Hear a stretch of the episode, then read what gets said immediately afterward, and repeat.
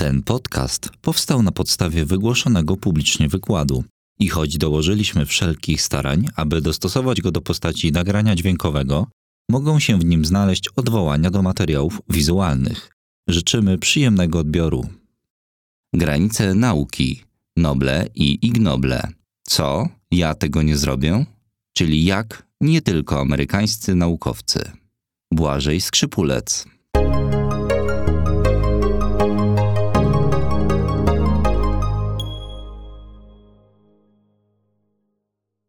Dziękuję, dziękuję również Państwu za przyjście. Tutaj tytuł mojego wystąpienia to Co? Ja tego nie zrobię, czyli jak nie tylko amerykańscy naukowcy odkryli to, co wszyscy dobrze wiemy. E, I w moim wystąpieniu będę chciał omówić mm, wyniki dwóch badań, z których każde właśnie otrzymało e, nagrodę Ig Nobla z owa z dziedziny psychologii. E, Jedno badanie w roku 2000, drugie badanie w roku 2000, 2013. I wydaje mi się, że oprócz pewnej takiej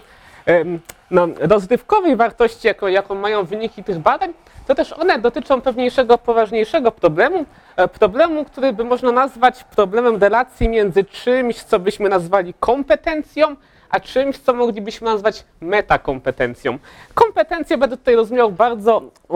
bardzo ogólny, jako po prostu zdolność do robienia czegoś. Nie wiem, mamy kompetencje do mówienia w języku niemieckim, kompetencje do grania w piłkę nożną, kompetencje do rozwiązywania zadań matematycznych i tak tak dalej. Możemy sobie różne takie zdolności wymieniać. No ale także mamy coś takiego jak metakompetencje, czyli zdolność do oceny jaki jest poziom naszej kompetencji. Na przykład mogę nie tylko umieć mówić po niemiecku, ale także jestem w stanie ocenić, czy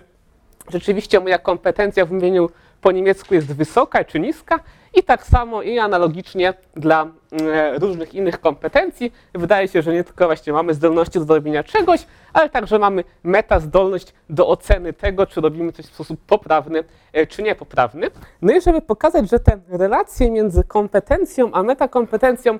no jak te relacje wyglądają, odpowiedź na to nie jest jakaś taka bezpośrednia, nie jest jakaś taka trywialna, to być może warto odwołać się do prawdopodobnie najbardziej znanego w historii filozofii przypadku użycia metakompetencji, czyli do słynnego zdania przypisywanego Sokratesowi, który oczywiście, jak wszyscy Państwo wiedzą, miał powiedzieć, że wiem, że nic nie wiem. No i możemy to interpretować jako pewne właśnie zastosowanie metakompetencji, za pomocą której Sokrates wyraża dość no w sumie dość negatywny sąd na temat jakiejś własnej kompetencji, nie wiem, nazwijmy sobie ją kompetencją do odkrywania własności świata na podstawie rozważań filozoficznych, to może jakbyśmy nazwali tą kompetencję, nie jest takie istotne. No ważne jest to, że właśnie tutaj wydaje się, że e, Sokrates mm, wydarza sąd metakompetencyjny pokazujący jakby ograniczenie jego kompetencji, no ale tak jak to zazwyczaj interpretujemy, jego sąd o tym, że jego kompetencja jest ograniczona, nie wynika właśnie z braku kompetencji, tylko raczej z tego, że Sokrates ma dużą kompetencję i właśnie dopiero posiadanie tej jakiejś dość dużej kompetencji pozwala mu dostrzec tej kompetencji ograniczenia. Z kolei być może jacyś filozoficzni adwersarze Sokratesa, których de facto kompetencja filozoficzna jest niższa, oceniają się lepiej, ponieważ właśnie przez brak kompetencji, ich też jakby zdolność do metakompetencji jest zaburzona i są zbyt pewni siebie, za bardzo przeceniają swoje zdolności, nie zauważają tych swoich luk w wiedzy filozoficznej. No więc to moglibyśmy mieć taki, taką, taki z pozoru paradoksalny właśnie związek między kompetencją a metakompetencją, gdy wydaje się, że dopiero no właśnie, że brak kompetencji nie musi wiązać się z ostrożnością, może się wiązać z przesadną pewnością co do swoich zdolności, a z kolei dopiero posiadanie jakiegoś istotnego poziomu kompetencji w jakiejś dziedzinie pozwala dostrzec, dostrzec braki tej kompetencji, pozwala, tak jak to zrobił Sokrates, wskazać, że nasza kompetencja jest ograniczona. No i jeżeli byśmy interpretowali relacje między kompetencją a metakompetencją konsekwentnie w ten sposób, to moglibyśmy sobie sformułować coś, co tutaj nazwałem takim oddolnym modelem metakompetencji. Tutaj, jak Państwo widzą na tym mm, rysunku, mamy takie prostokąty, które symbolizują różne kompetencje, kompetencje do robienia różnych rzeczy i z każdą z tych kompetencji związana jest jakaś metakompetencja, czyli na przykład zdolność do grania w piłkę nożną ma swoją osobną zdolność do oceny tej kompetencji, kompetencja do mówienia w języku niemieckim ma swoją osobną zdolność do oceny właśnie tych możliwości językowych. No i w przypadku takiego modelu właśnie poziom metakompetencji byłby ściśle związany z poziomem kompetencji, czyli jeżeli mam już jakąś powiedzmy kompetencję do nie wiem, rozwiązywania zadań matematycznych, to wtedy też mogę dostrzec ograniczenia, ograniczenia swojej kompetencji, ale jeżeli jestem w tym słaby, to mogę dość paradoksalnie czuć się nie właśnie ostrożny, tylko być przekonany, że na pewno mi się uda, no bo właśnie brak kompetencji je, utrudnia też poprawne posługiwanie się metakompetencją i te sądy na temat naszych własnych zdolności są zaburzone. No więc to był taki jeden, właśnie jak nazwałem, oddolny model, gdzie metakompetencja jest zależna od kompetencji, no ale można sobie wyobrazić też w ogóle inny model, który można nazwać modelem odgórnym. Tutaj nie jest tak, że poszczególne kompetencje mają swoje własne metakompetencje, które od nich zależą, tylko sytuacja jest inna. Jest raczej taka szczególna zdolność ogólna, zdolność metakompetencyjna, ogólna zdolność do oceny różnych kompetencji, tutaj symbolizowana przez ten owal na górze. No i właśnie e, za pomocą e, tej e, ogólnej zdolności metakompetencyjnej oceniamy swoje różne poszczególne zdolności, czy to językowe, czy to matematyczne, czy to do grania w piłkę nożną i tak dalej, i tak dalej. No i możemy oczywiście zapytać, jak można by jakoś empirycznie rozróżnić te modele? Co by nam wskazywało na to, że być może ten taki oddolne relacje między kompetencją a metakompetencją są prawdziwe, co by wskazywało, że być może bardziej adekwatny jest ten odgórny model, gdzie nie ma osobnej metakompetencji dla każdej kompetencji, tylko jest jakaś taka ogólna zdolność metakompetencyjna. No więc gdyby się okazało tak, że zmiany w kompetencjach są ściśle związane, jakoś skorelowane ze zmianami, e, ze zmianami w odpowiednich metakompetencjach, to by wskazywało no właśnie na ten model oddolny. Obniżamy kompetencje, także obniża się metakompetencja w tej dziedzinie. Właśnie sądy na temat naszych kompetencji stają się takie coraz mniej trafne i może dojść do tego właśnie, do tej właśnie sytuacji, że gdy nasza kompetencja spada, to przeszacowujemy swoje zdolności, ponieważ jakby też ta zdolność do metakompetencji y, funkcjonuje gorzej a dopiero kiedy właśnie mamy już jakiś wydobiony poziom kompetencji, też dostrzegamy jej ograniczenia. Z kolei, gdyby miał okazać się ten model odgórny bardziej trafny, to takiej ścisłej korelacji między zmianami kompetencji a zmianami poszczególnych metakompetencji by nie było. Działoby się natomiast coś innego. Powinny być jakieś takie czynniki, które nie wpływają na samą, na, nie zmieniają samych kompetencji, a mimo to są w stanie oddziałać na tą ogólną metakompetencję i jakby utrudnić rozpoznawanie naszych kompetencji w wielu dziedzinach. Więc gdyby się okazywało, że są jakieś takie czynniki, które właśnie nie zmieniają poziomu kompetencji, ale wpływają na samą metakompetencję i to co do oceny różnych zdolności, to wskazywałoby, że bardziej trafny może być ten model odgórny. No i właśnie pierwsze badanie, które zamierzam omówić, wydaje się dotyczyć dokładnie tego problemu. To jest badanie Kruger i Dunning z 1999 roku. Tytuł to jest Unskilled and Unaware of It, How Difficulties in Recognizing One's Own Incompetence Lead to Inflated Self-Assessment, czyli jakby niewyszkoleni, a jednocześnie nieświadomi tego, e, jak trudności w rozpoznawaniu rozpoznawaniu własnej niekompetencji e, prowadzą do podwyższonej jakby samooceny tych własnych swoich zdolności. To zostało opublikowane w Journal of Personality and Social Psychology. No i właśnie tak jak wspominałem na początku, dostało nagrodę Ig Nobla w roku 2000, w 2000 w kategorii e, psychologia. No i jak e, to badanie wyglądało? Jakby najważniejszą jego częścią było to, to była oczywiście jakaś tam seria badań, w której grupa studentów rozwiązywała zadania z zakresu właśnie takiego logicznego myślenia oraz takie zadania związane z kompetencjami językowymi, z jakimiś takim nie wiem, rozpoznawaniem struktur gramatycznych i tymi podobnymi rzeczami. No i zadaniem tych studentów, oprócz właśnie wykonywania tego zestawu zadań, który był e, im podany do zrobienia, była też ocena jakby swojego relatywnego poziomu na tle całej grupy studentów. Możemy sobie to ilustrować za pomocą jakby takiej skali idącej od 0% do 100%, gdzie poszczególne miejsca na tej skali e, oznaczają od ilu, od jakiego procentu studentów tej grupy dana osoba była lepsza. Na przykład tak jak tutaj jest ta e, czerwona strzałka wskazująca w przybliżeniu 65%. Jeżeli ktoś tam znajdowałby się na tej skali, oznaczałoby to, że jego wyniki były powiedzmy około lepsze od dwóch trzecich studentów z tej grupy. Powiedzmy, najgorszy student byłby na samym początku tej skali, ponieważ wszyscy byliby lepsi od niego. Najlepszy student byłby na końcu w miejscu 100%, ponieważ nie byłoby nikogo lepszego od niego, wszyscy e, mieliby wyniki e, od niego gorsze. To więc jakby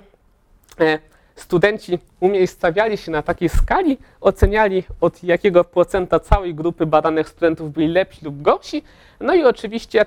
badanym pozwoliło to e, ocenić, jak ich jakby poziom, ich ocena ich własnych kompetencji, czyli właśnie zastosowanie pewnej metakompetencji różniło się od ich faktycznych wyników na e, tle całej grupy.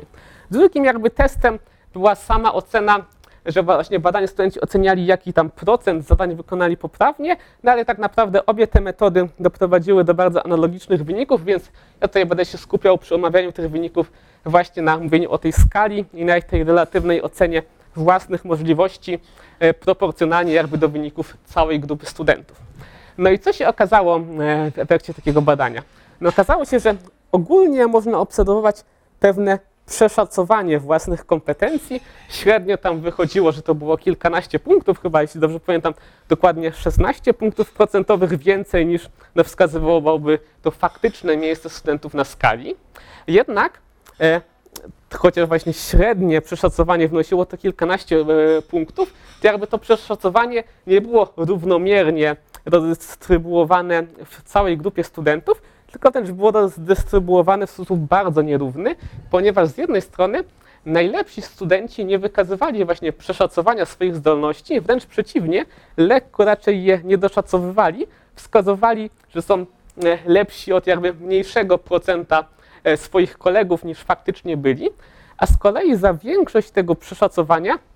odpowiadali właśnie ci studenci, którzy byli na samej dole skali, od których większość innych studentów była lepsza w rozwiązywaniu tych zadań na logiczne myślenie na jakieś umiejętności językowe i u nich jakby przeszacowanie na tej skali, o której wspominałem, wychodziło aż około między 40 a 50 punktów procentowych. Jakby patrząc na to graficznie, znowu możemy sobie na, nanieść te wyniki na właśnie taką skalę idącą od 0 do 100%. W środku ta niebieska strzałka pokazuje, jakby to wyglądało, gdyby przyjąć właśnie to średnie, kilkunastoprocentowe e, przeszacowanie o kilkanaście procent. Wtedy ktoś, kto byłby w samym środku skali, byłby lepszy od połowy studentów i gorszy od połowy studentów, oceniałby samego siebie jako e, ponadprzeciętnego, jako będącego lepszym od około dwóch trzecich swoich kolegów. Z kolei ta zielona strzałka w przybliżeniu pokazuje ten metakompetencyjny osąd dokonany przez najlepszych studentów, oni oceniali się e, trochę gorzej niż wskazywały na to ich faktyczne wyniki. No a z kolei ta czerwona strzałka pokazuje to duże przeszacowanie, jakiego dokonywali studenci, którym rozwiązywanie tych zadań szło najgorzej. Oni, chociaż zdecydowana większość studentów była od nich lepsza w uzyskiwanych wynikach, oni i tak oceniali się jako mających e, ponadprzeciętne zdolności, także właśnie wskazując, że byli lepsi od około dwóch trzecich z całej grupy badanych studentów. No więc e, to oczywiście jakoś już może wskazywać na istotną rolę tych czynników oddolnych w relacjach między kompetencją a metakompetencją, o których mówiłem na początku. Wydaje się, że no,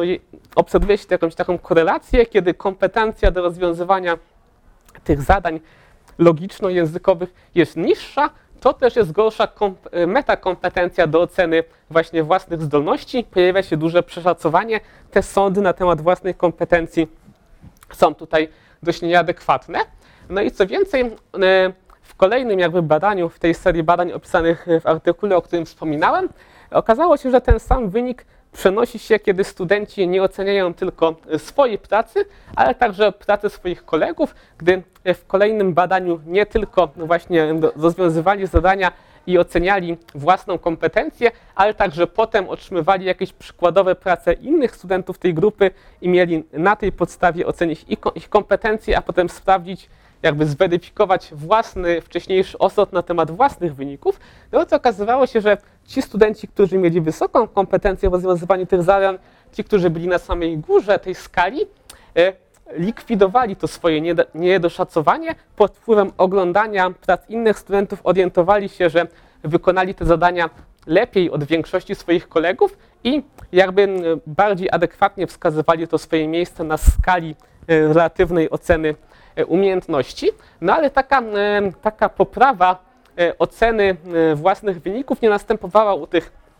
u tych najgorszych studentów, pomimo oglądania prac swoich kolegów, którzy lepiej rozwiązali od nich te zadania, dalej w tak samo mocny sposób przeszacowywali własną kompetencję, no co w ogóle może prowadzić do jakiegoś takiego smutnego wniosku, że brak kompetencji może nas wprowadzić w jakieś takie, takie błędne koło, brak kompetencji prowadzi do braku metakompetencji, brak metakompetencji nie pozwala nam zauważyć y, jakichś takich wskazówek płynących z zewnątrz na temat tego, na czym polegały nasze błędy, no i przez to, przez brak rozpoznawania tych wskazówek znowu nie możemy poprawić swojej kompetencji i w ten sposób jakieś takie koło mogłoby się zamykać. No i y, badacze tutaj poszli jeszcze dalej i postanowili sprawdzić, czy może da się coś więcej powiedzieć, być może nawet wyjść trochę poza mówienie o korelacji, a, powiedzieć coś o związkach przyczynowo-skutkowych, co? No i chcieli to zbadać w ten sposób, żeby sprawdzić, czy jeśli e, tym najgorszym studentom przeprowadzić jakąś taką sesję treningową, tak żeby oni mogli nabyć kompetencje, lepszą kompetencję w rozwiązywaniu właśnie tych zadań, z którymi sobie za bardzo nie radzili, to czy ten wzrost kompetencji wpłynie także na ich metakompetencje, sprawi to, że ocena ich własnych kompetencji będzie bardziej adekwatna niż działo się to wcześniej, że dokonywane przez nich przeszacowanie własnych zdolności będzie mniejsze. No i rzeczywiście okazało się tak jest, kiedy oni lepiej nauczyli rozwiązywać zadania, ich kompetencja wzrosła, także ich przeszacowanie własnych zdolności malało i już nie było tak, jak pokazywałem wcześniej, nie wynosiło tam między tych 40 a 50 e, punktów procentowych. No i to wydaje się, że właśnie wszystko w mocny sposób potwierdzałoby ten sposób oddolny, także właśnie poziom metakompetencji jest dość ściśle skorelowany z poziomem kompetencji, a co więcej, być może nawet jest tu jakaś taka zależność przyczynowo-skutkowa, że właśnie jeśli zwiększymy kompetencje, to poprawi się także poziom metakompetencji. No tutaj trudniej pewnie sprawdzić obniżanie kompetencji, poza tym natrafiłoby to pewnie na jakieś problemy etyczne. W każdym razie w jedną stronę taka relacja przyczynowo-skutkowa jakoś tu została obserwowana, no, że właśnie przynajmniej wzrost kompetencji wiąże się także z wzrostem odpowiadającej e, metakompetencji. No ale też nie trudno zauważyć, że chociaż rzeczywiście ten model oddolny w perspektywie takich wyników otrzymuje jakieś dość mocne uzasadnienie, to też na pewno można zauważyć pewne ograniczenia. No, wydaje się, że byłoby grubą przesadą powiedzenie, że metakompetencja i kompetencja są związane jakoś tak liniowo, że im większa jest kompetencja, tym lepsza jest metakompetencja i odwrotnie. No, w szczególności jest tak, ponieważ żeby rzeczywiście zależność była taka liniowa, to z zerową kompetencją powinna wiązać się też jakaś zerowa metakompetencja, czyli kiedy czegoś zupełnie nie umiemy, to nasze sądy na temat naszej tej zerowej kompetencji powinny być jakieś takie zupełnie losowe, no ale tak w ogóle się nie dzieje. Na przykład ja mam zerową kompetencję do mówienia po łotewsku, no nigdy wydaje się, że nie ulegam jakiemuś takiemu urojeniu, że nagle mam świetną kompetencję do mówienia po łotewsku. Wydaje się, że właśnie, że nasza kompetencja jest zerowa, to też nasza metakompetencja do oceny, że w ogóle nie mamy zdolności w tym zakresie, jest bardzo dobra. Być może też sam ten przykład, badany przykład kompetencji do rozwiązywania takich zadań, e, powiedzmy właśnie logicznych zadań na jakimś takim powiedzmy egzaminie na studiach,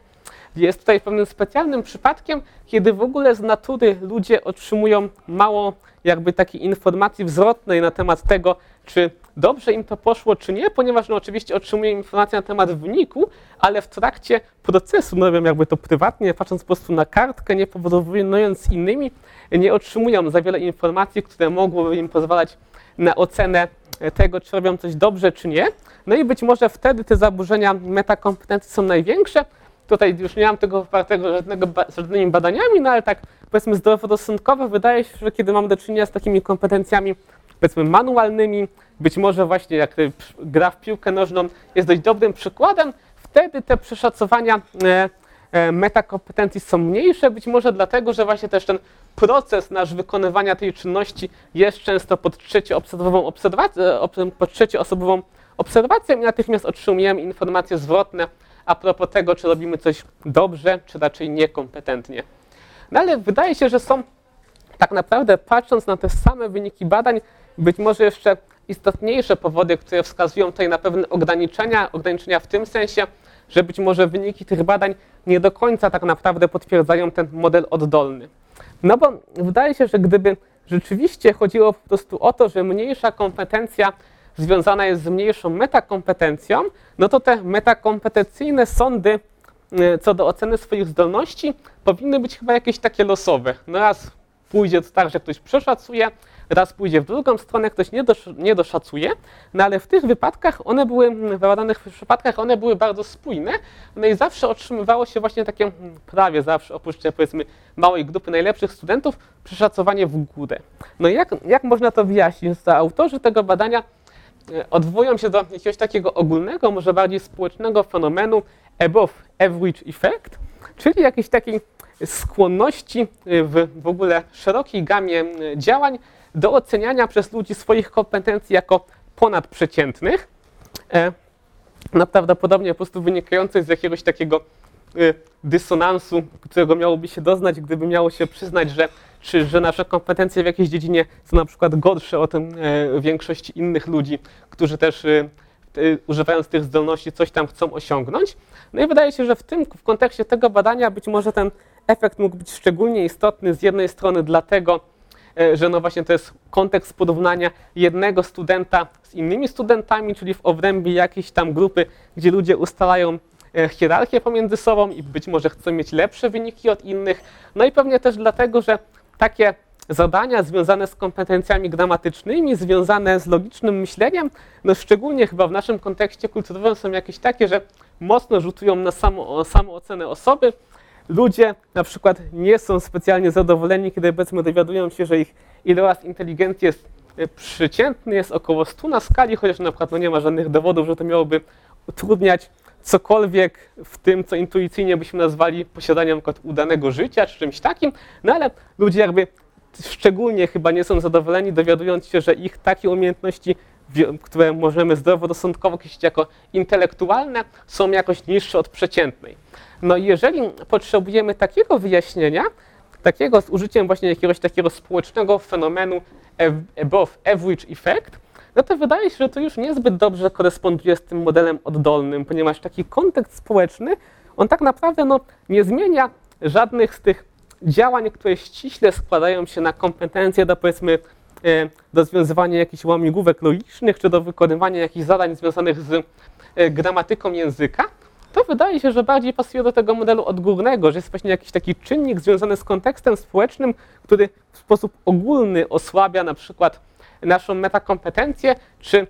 kieruje ją w stronę właśnie przeszacowywania własnych kompetencji be, e, bez zmiany samych tych jakby mechanizmów odpowiadających za jakieś kompetencje do rozwiązywania takiego, a nie innego rodzaju zadań. No i analogiczne coś pojawia się w tym tekście, kiedy są tłumacz, jest tłumaczony ten fenomen, dlaczego owi najlepsi studenci jakoś nie, dasz, nie doszacowują e, swoich wyników. Tu z kolei autorzy znowu powołują się na jakiś taki ogólny i być może niezbyt właśnie precyzyjnie wyjaśniony fenomen false consensus effect, że znowu, że mają mieć ludzie często takie przekonanie, że pewnie ich e, wyniki nie mogą odbiegać znacząco od wyników innych. No i nawet gdybyśmy połączyli te dwa efekty, że z jednej strony osoby nie chcą twierdzić, że ich wyniki mocno odbiegają od wyników innych, a z drugiej strony chcą być, e, chcą traktować własne wyniki, własną kompetencję jako ponadprzeciętną, no to patrząc na e, tą skalę, być może pojawia nam się jakiś taki wzorzec, że czy patrzymy z tej dolnej części skali, czy z górnej, to to przeszacowanie idzie jakoś w kierunku właśnie oceniania siebie jako E, będącego lepszym od dwóch trzecich, powiedzmy, badanej grupy, czyli właśnie co do takiego sądu, że nasze kompetencje nie są jakoś bardzo różne od większości, ale jednak trochę lepsze, jednak jesteśmy od większości w jakimś stopniu e, lepsi co do e, wykonywania zadań wymagających danej kompetencji. No ale to wszystko właśnie raczej z kolei pasuje do tego modelu odgórnego, aniżeli oddolnego, raczej jakieś takie ogólne czynniki wpływające na szeroko rozumianą metakompetencję, a nie zmieniające, e, nie zmieniające jakichś składników składających się na specyficzne kompetencje do wykonywania takich, a nie innych działań. E, no i e, żeby jeszcze wyraźniej pokazać jakby rolę tych czynników odgórnych, to wydaje mi się, że warto odwołać się tutaj do drugiego z badań, które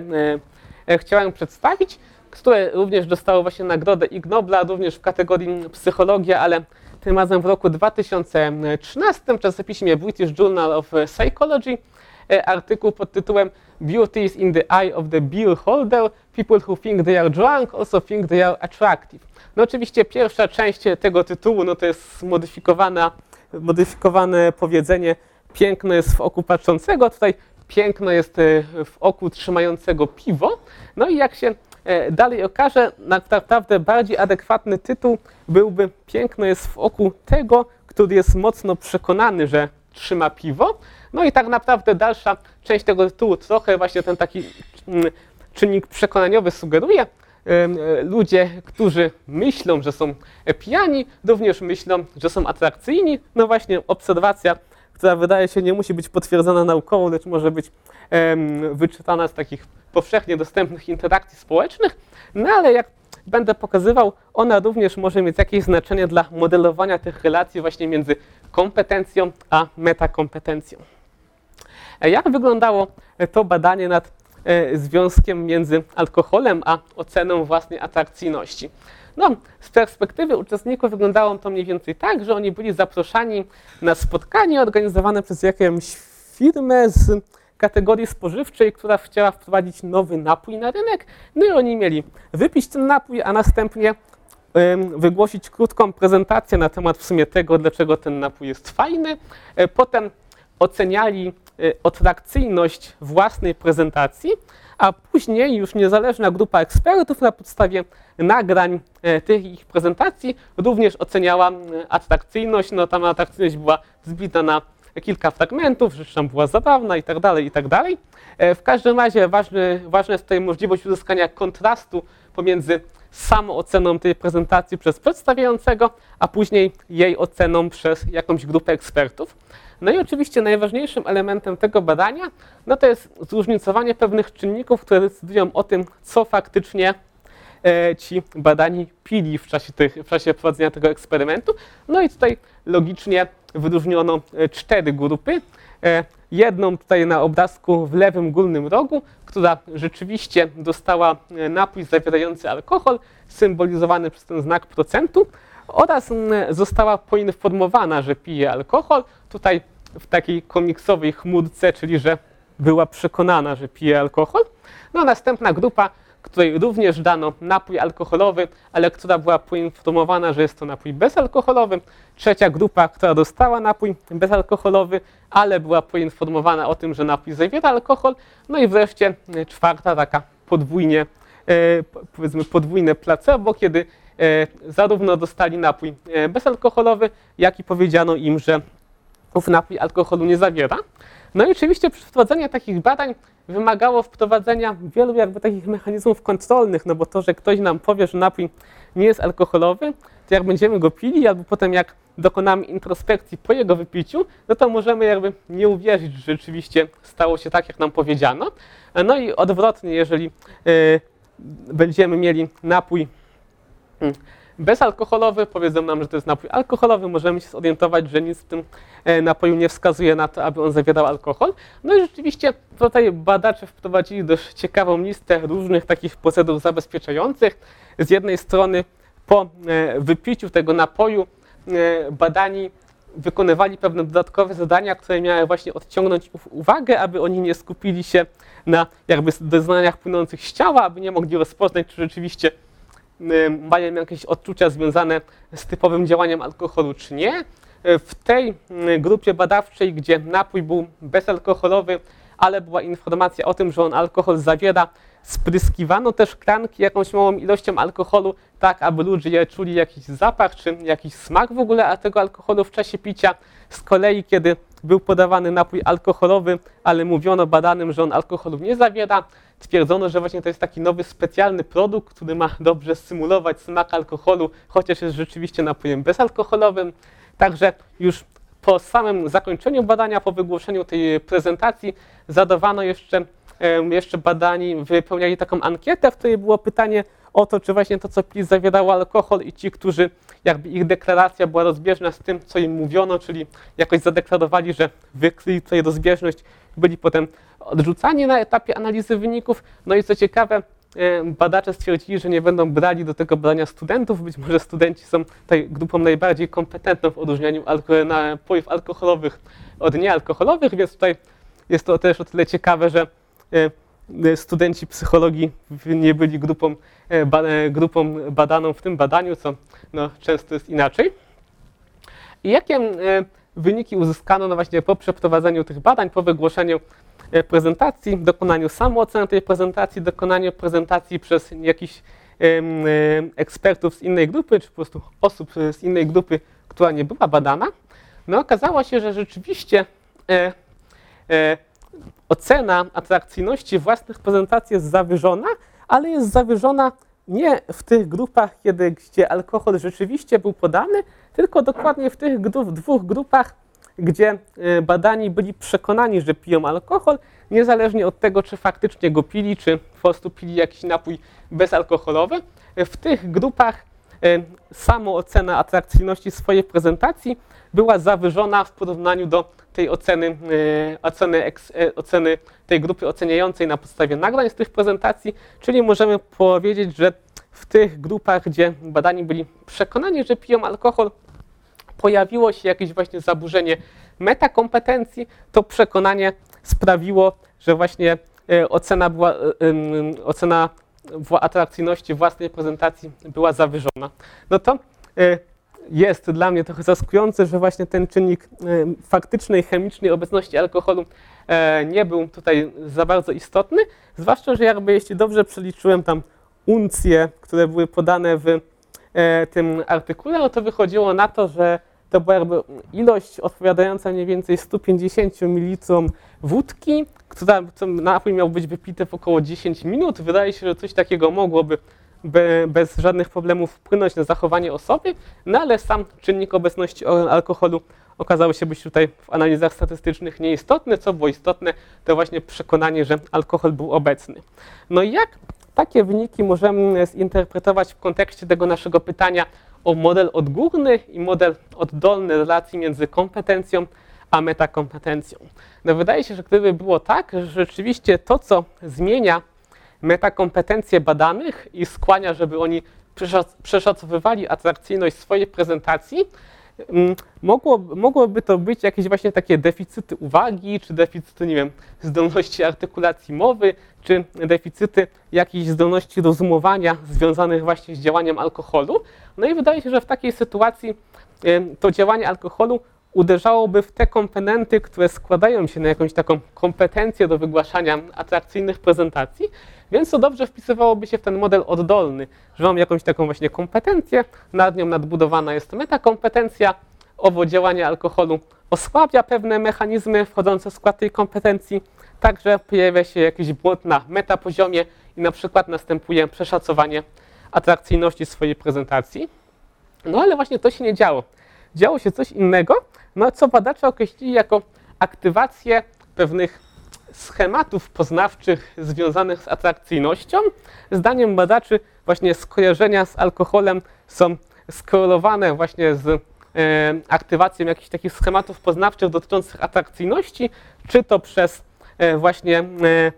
wcześniejsze doświadczenia badanych na temat dobrej zabawy związanej z alkoholem, czy przez jakieś takie ogólne wzorce kulturowe, w których właśnie e, picie alkoholu jest związane z robieniem przyjemnych rzeczy, z wolnym czasem, z imprezowaniem itd., tak itd. Tak no i to w każdym razie już nie wygląda na jakiś taki czynnik, który by zaburzał któryś bezpośrednio z komponentów y, składających się właśnie na jakąś taką możliwość wygłaszania atrakcyjnych prezentacji, to znowu jest jakiś taki odgórny czynnik, który właśnie zmienia kompetencje, jakby chyba niezależnie od zmiany samych tych mechanizmów składających się na zdolność do wygłaszania tej prezentacji. Więc tutaj raczej modyfikacja wyglądałaby następująco. Właśnie te buźki symbolizują aktywację jakichś tam schematów związanych z atrakcyjnością, zmieniają e, metakompetencje, przez to też ocenia się, zmienia się